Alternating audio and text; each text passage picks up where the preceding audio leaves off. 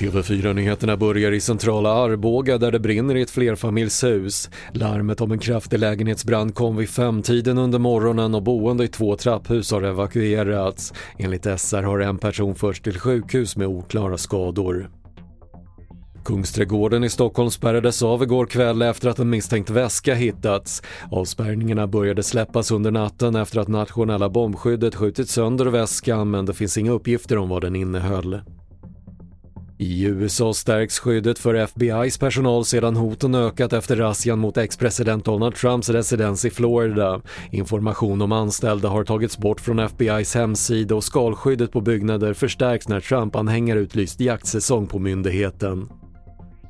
Och nästan hälften av alla cancerfall skulle kunna förebyggas visar ny amerikansk forskning. Studien som pekar ut rökning som främsta riskfaktorn följt av alkohol och övervikt visar att 44% av alla dödsfall i cancer kan kopplas till riskfaktorer som skulle kunna undvikas.